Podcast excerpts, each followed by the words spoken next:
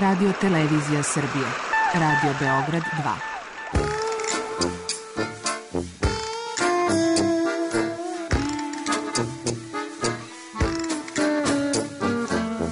Rekli su mi, gospodine, vi ste promašili temu. Pa ja sam onda promašio život. I ne znam šta će da bude sam. Kaže, ja ne mogu više te čuvam. Šta da ti radi, kaže, snađi se kako znaš. Mi smo kao u kafesu. Za nas to je najmrtvo. To je mrtvo za nas. Naročito. Ja bih želela neko da me usvoji. Da bih želela. Govori da bih te video. Program dokumentarnog zvuka.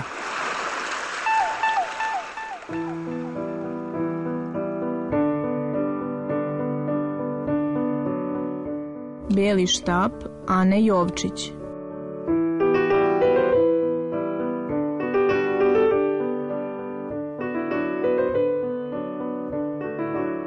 Zovem se Ana Jovčić, iz Beograda sam, imam 20 godina i prva sam godina Filološkog fakulteta na smeru za srpsku književnost.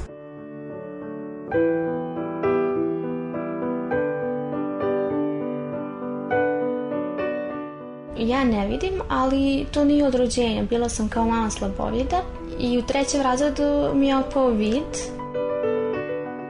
Meni zvuči neverovatno to kako ja, kako ja nisam prihvatila nešto, mm, kao nešto mnogo strašno to e, što sam izgubila vid, ali kad malo bolje razmislim, to je verovatno zbog toga što se to dešavalo postepeno, nije odjednom sad, e, bum, ja ne vidim i to je to, nego jednostavno to se dešavalo vremenom.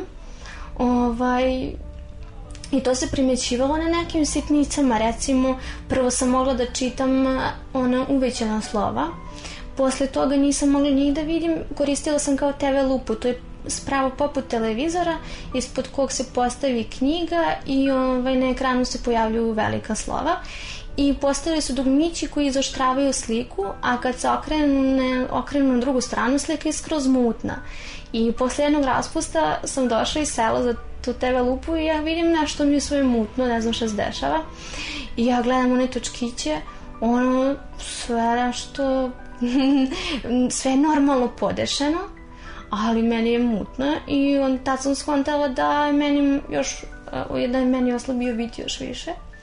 Ali nisam na to uopšte doživjela kao nešto mm, mislim ja se bar ne sjećam nije mi to ostavilo neki trag jednostavno tada me prosto bilo briga i nisam se plašila jer nekako ljudi kako su stariji oni se sve više plaše uh, plaši se života, svega. Meni se često dešava da se mene ljudi plaši i onda moram detaljno da ih upoznam, upoznam sa sobom, da me se ne bi plašili. Kako ću da idem s tobom, kako ćeš, uh, da li ti ideš mnogo sporo, kako, smijem sve da kažem pred tobom, smijem da psujem. Rekao, pa možeš, nisam ja neko čudovište, samo ne vidim i to je to. To je jedina razlika između nas dvoje.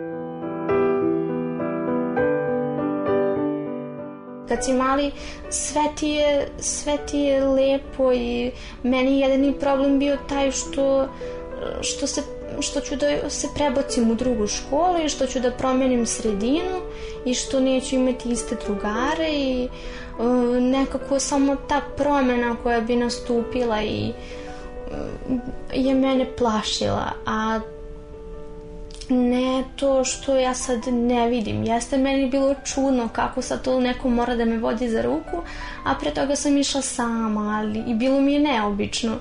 Ali samo to, nisam ja nikad plakala zbog toga kao mala mislim, dešavalo se meni kad e, primetim, kad primetim da mi deca izbjegavaju, da me zezaju, ćorava, ćorava, onda se naravno, onda budem tužna i povučem se sebe, ali kako sam stekla samopouzdanje, bukvalno me boli uvo, šta će ko da misli, šta će to ko da kaže, ako želi da me upozna, upoznaće me, ako ne želi, šta sad ja to mogu? Naravno da meni sad ne bi smetalo da ja sad vidim, ali ja se osjećam kao da vidim, samo što ne vidim, ne znam kako to da objasnim. Mm, prosto sve normalno. Mm, ljudi zamišljaju da slepa osoba doživljava svet kao da, kao da su im zvuci mnogo jači, da im je sve crno oko, okolo njih, da je sve nejasno, da su svi doživlje jači, ali prosto nije tako. Mm, nekako meni je sve jasno, sve, pošto ja vidim svetlost, pa možda i zbog toga. E, ovaj, meni ništa nije crno, čak i ljudima koji ne vide njima ništa nije crno, nego prosto nekako ne, ne razmišljaju o tome. Ovaj, I nije tako tužno kao što ljudi to doživljavaju. Čak i kad mene upoznaju, ovaj, kažu kao pa ja, ja, nisam, ja nisam mogla da verujem kao da, su, da je neko ko ne vidi možda bude takva budala kao što si ti.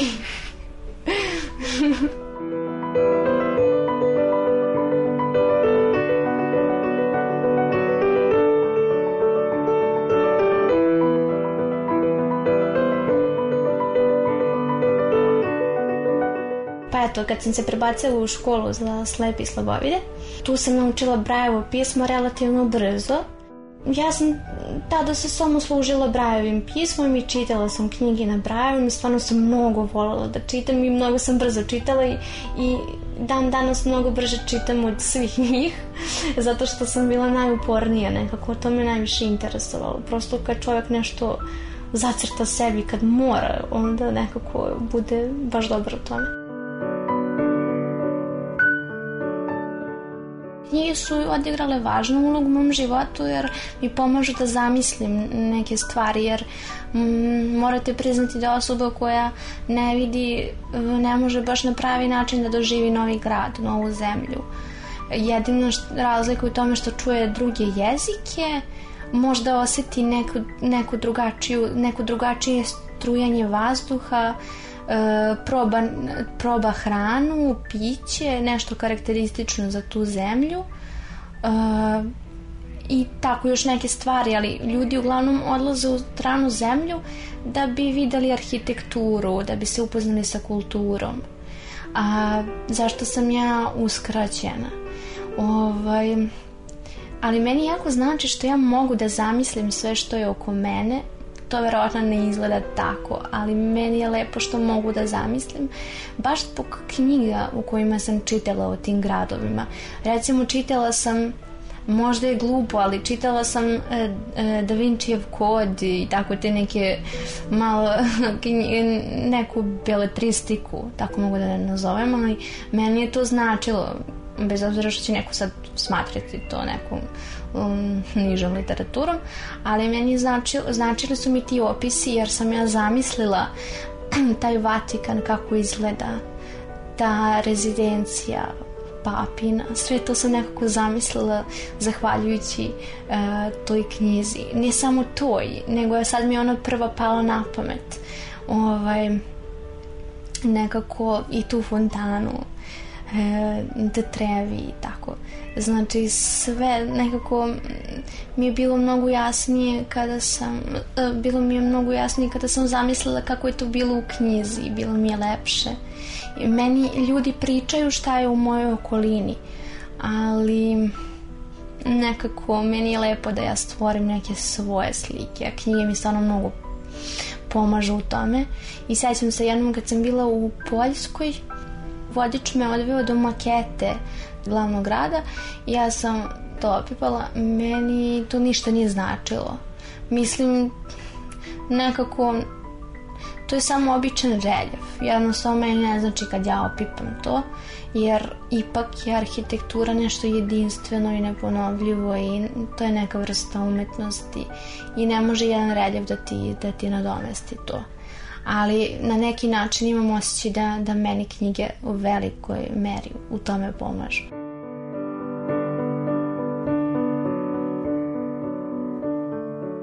Nije Brajevo pismo jedini medijum putem kojeg ja saznajem svet. Daleko od toga da su knjige e, jedin, jedine, jedini način da ja spoznam svet oko sebe. Nisu. To je bilo malo suludo ovaj, sad je tehnologija toliko napredovala da prosto najnormalnije idem na svoj mail, na Facebook, na ne znam, tražim na Google šta god mi zatreba. Um, ne znam, čitam audio i elektronske knjige, tako inače spremam ispite.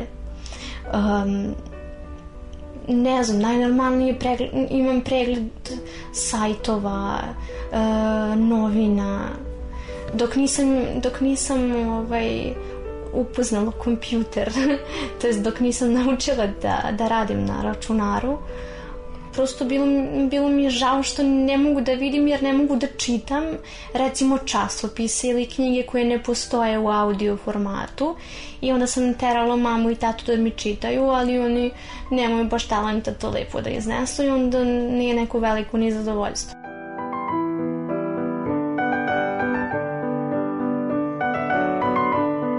Postoji govorni program koji govori bukvalno sve što piše na ekranu i recimo ja odem u foldere sa knjigama, uh, pronađem knjigu koja mi treba, uh, otvorim je, ono, kliknem enter, uglavnom se služim samo tastaturom, e, naravno, ovaj, koju znam na pamet, ne postoji sad neka posebna tastatura koju, koju slepi koriste. Mislim, možda i postoji, ali meni to ne treba. Govorni program ima otprilike glas kao kad ukucate onu na Google da vam izgovori neku reč, kao na translate-u.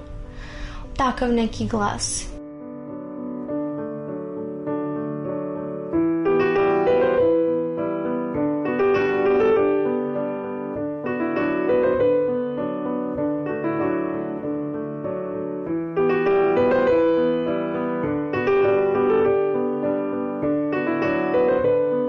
Ja sam još od negde polovine srednje škole znala tu negde da ću upisati književnost, ja, ja sam jednostavno imala previše samopouzdanja zato što jedan dečko kog sam ja poznavala je pre, dve godine pre mene upisao književnost, on takođe ne vidi.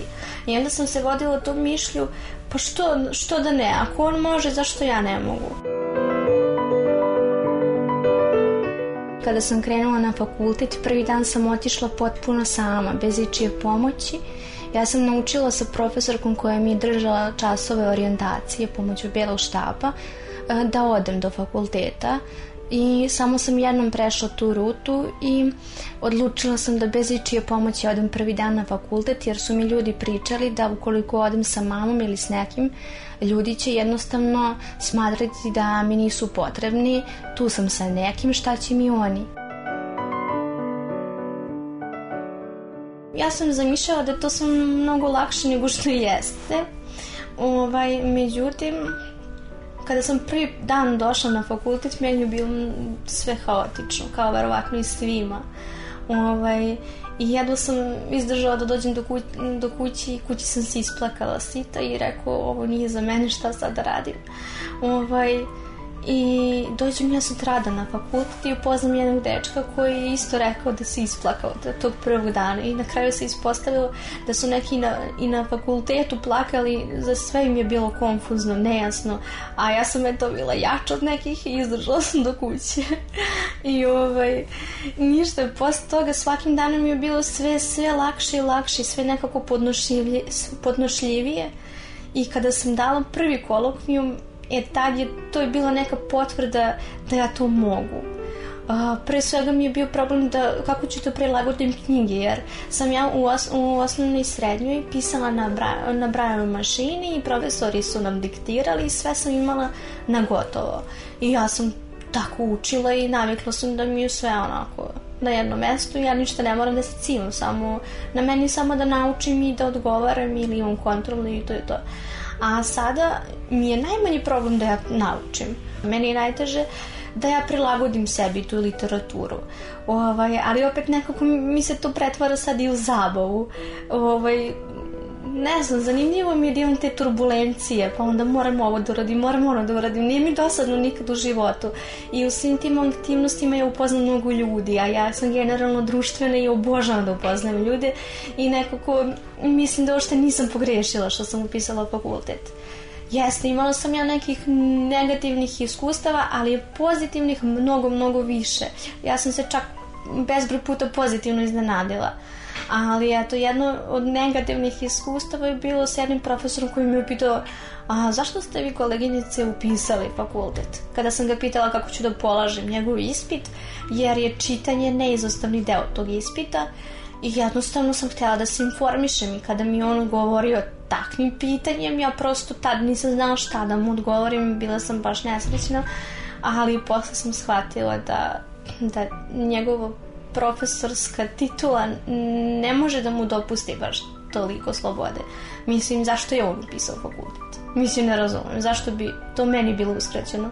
I gde piše da ja nemam pravo na to?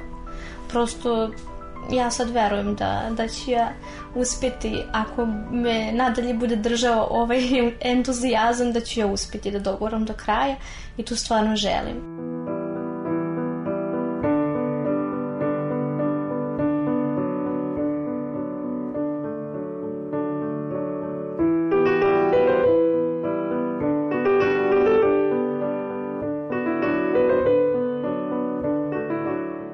Sećam se svog lika u ogledalu kad sam bila mala.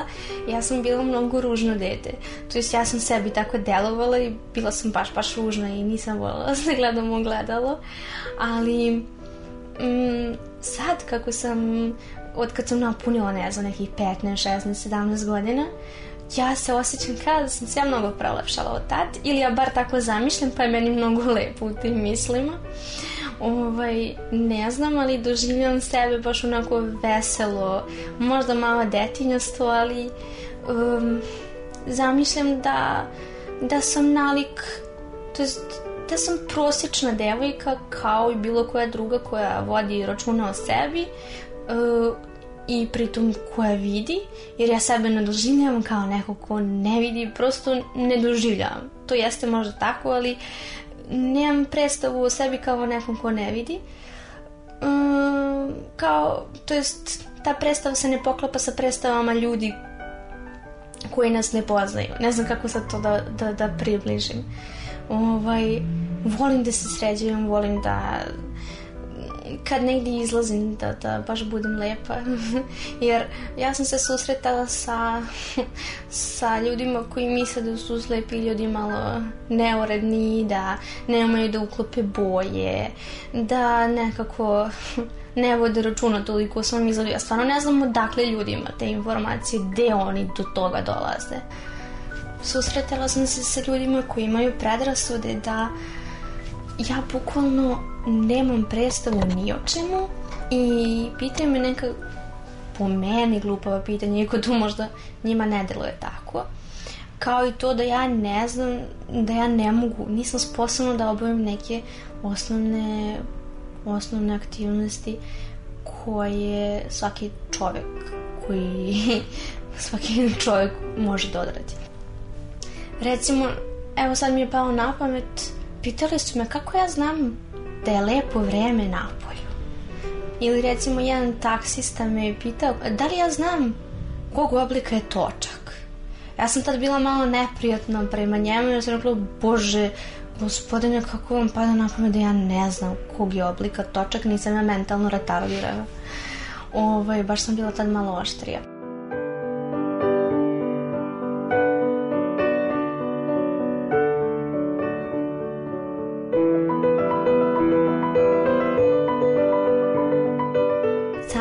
Početci kretanja po gradu su bili jako teški po mojem psihu pre svega.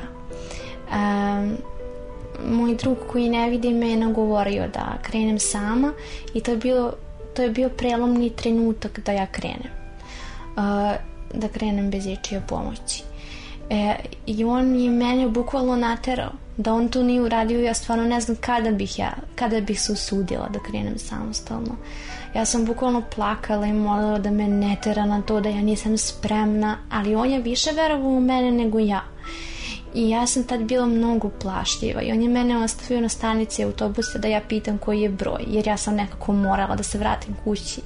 I meni je malo falilo da ja zaplačem jer me je bio blam, ja nisam znala kako da se okrenem, pre... mislim znala sam da se okrenem, nego kako će taj neko da doživi to što, ja, što ga ja ne gledam u oči, kako će taj neko znati da se ja njemu obraćam? Kako uopšte nekom da se obratim? Šta će ljudi da misle ako se ja obratim cijeloj stanici, a ne samo osobi? Mislit će da, ne znam, prosto sam mislila da će to biti njima jako čudno, jer meni bi bilo, čudno da jedna osoba komunicira sa cijelom stanicom. Mislim, ja sam, ja sam nekako stvarala samoj sebi te prepreke u glavi, a zapravo nije trebalo tako, jednostavno treba da me bude briga šta će drugi da misle. I jedini cilj da mi bude da uđem u taj autobus i da dođem do kuće ovaj, ja sam se tad sama vratila kući i nema većeg ponosa od toga kada znate da ste nešto samostalno uradili, a verovali ste da to nećete moći nikada. I ovaj, i vremenom se taj strah gubio. Meni, su, meni je bilo jako teško, meni bukvalno su mi oči bile pune suza kad ja moram da, da očekujem nečiju pomoć. Jer sam ja razmišljala da da niko nije dužan meni da pomogne i svako može da pomisli e šta bi ona radila da ja nisam, da se nisam zadesio tu a zapravo je to pogrešno zato što će uvek neko da se nađe i ko će želiti da pomogne.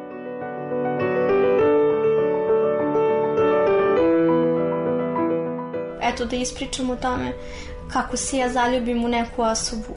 Ovaj, imam ja neke svoje kriterijume, nije da sam bez kriterijuma kada je reč o fizičkom izgledu.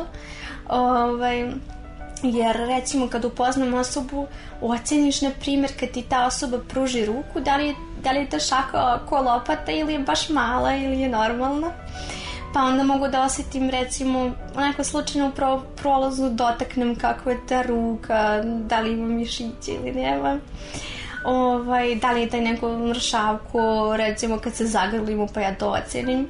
Ja, ja tako zezam neke ljudi kao, e ti ni ne znaš, ja sam tebe ispipala celo.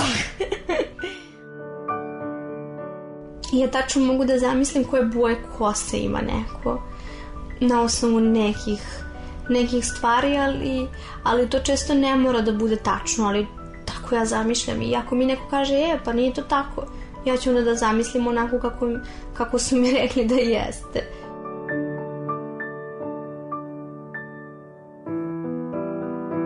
Desilo mi se da sam bila zaljubljena u jednog dečka i on se nešto motao oko mene i sve to i na kraju nije hteo da bude sa mnom, a njegovo objašnjenje je bilo da ne može da me pogleda u oči i da prosto on tako ne može da funkcioniše. I sad ja sam onda skontala da on nije za mene, zato što ako je to jedina stvar koja ga je odbila od mene, a verovatno nije. Ne mogu da verujem da je to jedina stvar. Mislim, to što ne može da me pogleda u oči. Ajde da mi je rekao da, da se plaši kako će da funkcioniše sa mnom, da nije imao kontakta sa slepom osobom, da nešto, nešto drugo, ali ovo je totalno totalno ne, neshvatljivo, barem meni. Mislim, razumijem ja to da se zaljubljeni par gleda u oči, da su oči ogledalo duše, ali nekako ja ne mogu baš s tim da se složim.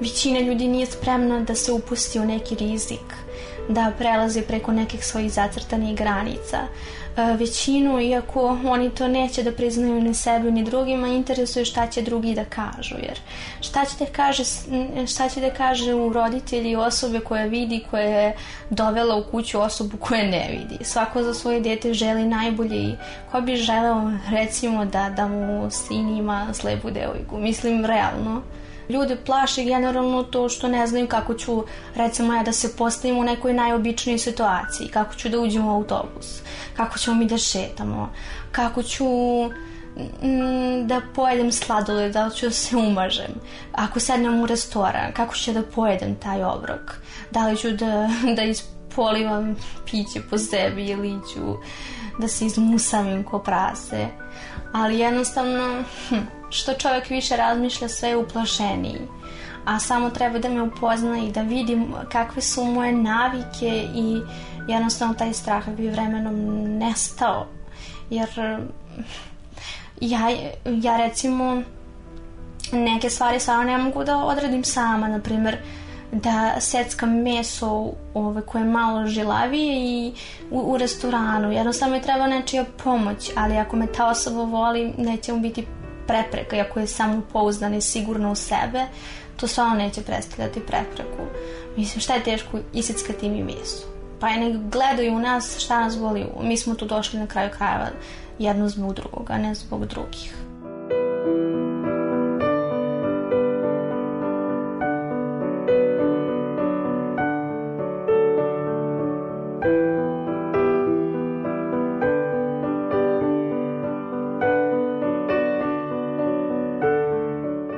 Eto, recimo nešto što bih volela, razlog zbog kog bih volela da, da mogu da vidim je recimo taj što um, ja umem da idem pomoću belog štapa, ali to su neke osnovne osnovne, da kažem, rute, recimo do fakulteta, do kuće, i tako do nekih osnovnih mjesta koje su mi neophodna, ali ja nikad ne bih hutila samo da šetam recimo Kalemegdanom, kada mi je glava puna svega i kada ne bih više da učim, kada bi da izlufćeram mozak, ja ne mogu sama da odim i da izađem i da prošetam i da trčim negde, ne znam, da, da trčim sama po nekom terenu, da, da istrošim svu energiju I to jest ja mogu recimo sa sestrom uhvatimo se za ruke i trčimo ali verovatno njoj taj tempo ne odgovara nekako ipak se osjećaš sputanom kad te neko drži za ruku.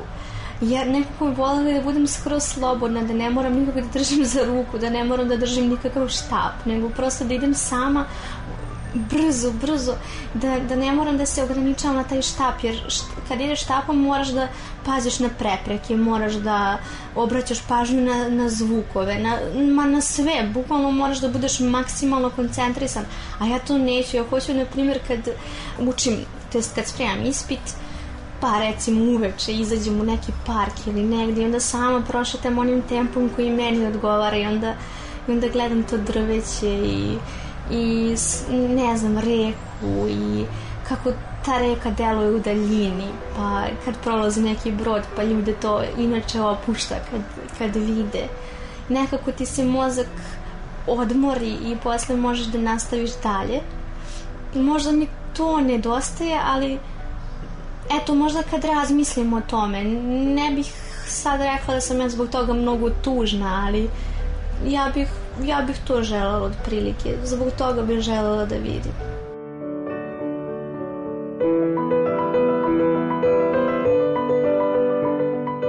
Nekad razmišljam kako to mene ljudi doživljavaju kad me vide s ovim belim štapom.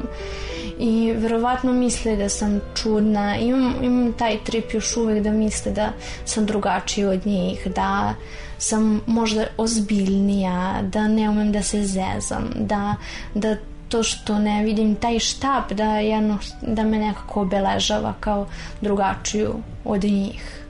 A meni ta pomisao smeta, jer možda to nije tako, ali ja se tako osjećam i ne znam koliko će to još dugo da potraje, ali mm, jednostavno ja trebala bi da volim taj beli štap, ali ne volim ga zato što jednostavno me on nekako obeležava. Ali opet mnogo mi je lakše kad idem sa nekim društvom jer tada je sve nekako opuštenije. S njima se zezam i ljudi doživljavaju to na drugačiji način. Ipak vide neku drugu stranu mene, neku stranu koja je njima bliskija. A ovako mislim da je to njima nešto malo daleko i nepoznato